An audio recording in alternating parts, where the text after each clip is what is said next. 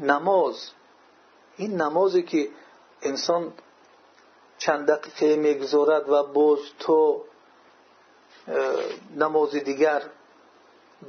دنیا و به حیات خود به مسئله های زندگیش مشغول می‌شد آنها چی این گونه نماز نمیگذاریدند. نماز اونها نمازی بود که به شوق منتظری نماز بودند. و وقتی در نماز می در آمدند آنها دیگرگون خود را احساس می کردند. مسئله نماز در حیات آنها مهمترین مسئله بود. مسئله تلاوت قرآن. به تلاوت قرآن روزی آنها نمیگذشت آنها برای خود مقداری معینی از قرآن را تلاوت آن را حتمی گردانده بودند که میخواندند. و با شوق همیشه این را تکرار می‌کردند. حیات آنها روز آنها با تلاوت قرآن بود. این کلام الله است. ولی ببینیم که آیا امروز تلاوت قرآن از ما در کدام مقام و منزلت جایگیر است. چقدر احتمام ما نسبت تلاوت قرآن است. کلام الله بهترین نعمت بزرگترین نعمت به این زمین آمد.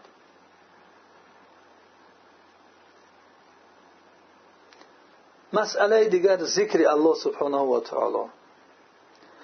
ذکر به آن معنای نیست که انسان یک تسبیح رو بگیرد و این یک جزئی اون معنای ذکر است.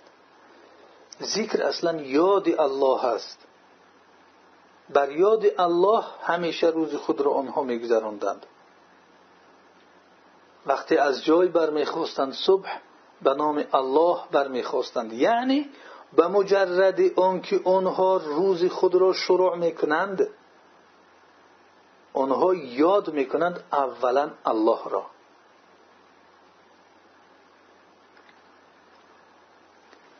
و این چنین وقتی که بیگاه میآیند خواب می‌روند و سر را در بالین خواب می‌گذارند به نام الله می‌گذارند و روز خود را ختم می‌کنند به یاد الله.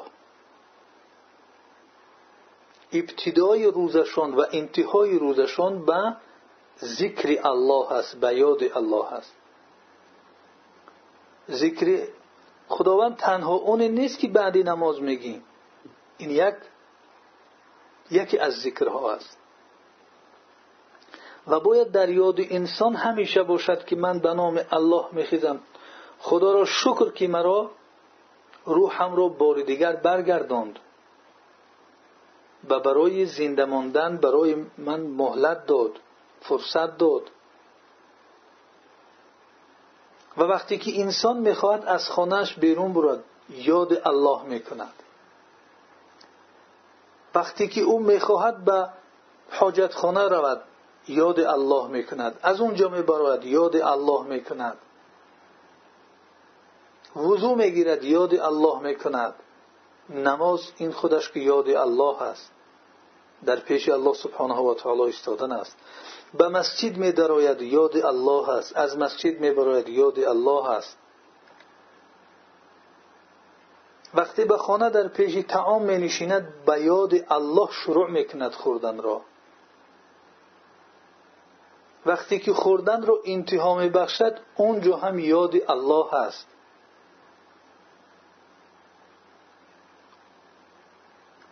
عموما در همه حالت هایی که انسان در حیات دارد باید یاد الله به او باشد و خداوند را به پاکی یاد بکند.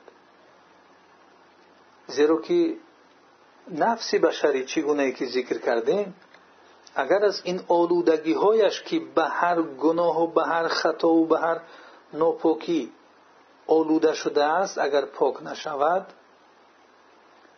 و به خالقش پیوست نشود وظیفه های از جانب شریعت بر عهده او گذاشته شده رو انجام داده نمی‌تواند. و این عبادت است و مداومت کردن بر عبادت است که برای روح انسان قوت میبخشد.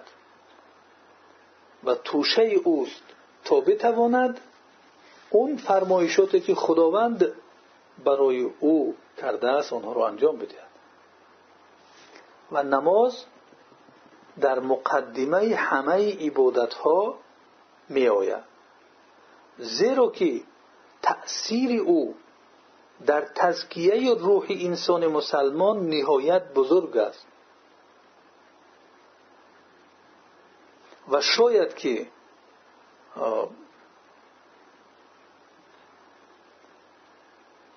بزرگترین تأثیر رو که در اصحاب کرام و آن نسل اول رساند این نماز باشد.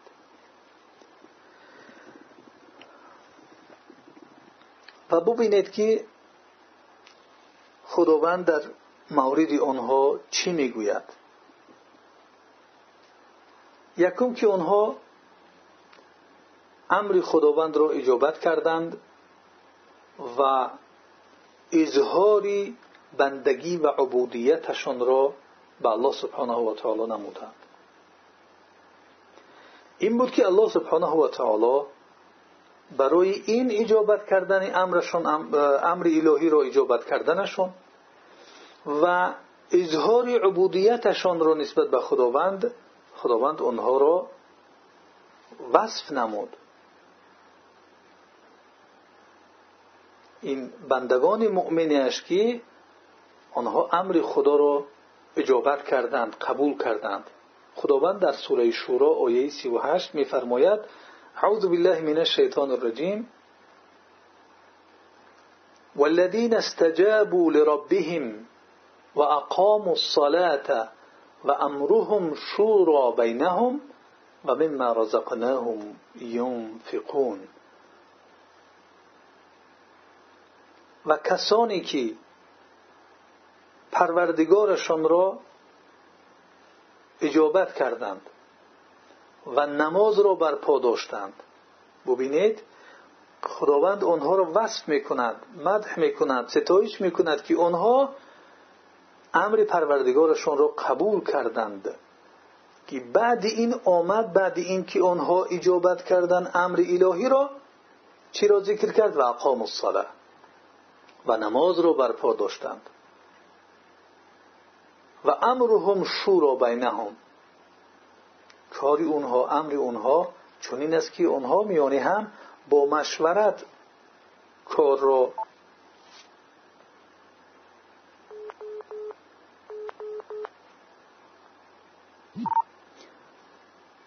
آنها میانی هم با مشورت کار را می‌گیرند. با مشورت کارهای خود را انجام می‌دهند. و از آن چیزی که ما به آنها ریزق داده ایم نفقه می‌کنند این نسل اول چنین نظر داشت که هر یک عمل از عملهایی که در نماز هست عبادت و بندگی مخصوص است. و در نفس و تزکیه روح تأثیر خاصی دارد هر چیزی که در نماز است هر عمل هر حرکت هر چیزی که هست این عملهای در نماز وجود داشته نظر آنها چنین بود که اینها عبادت مخصوصی هستند که نفس انسان را در نفس انسان تأثیر می‌گذارند و روح او را پاک میگردانند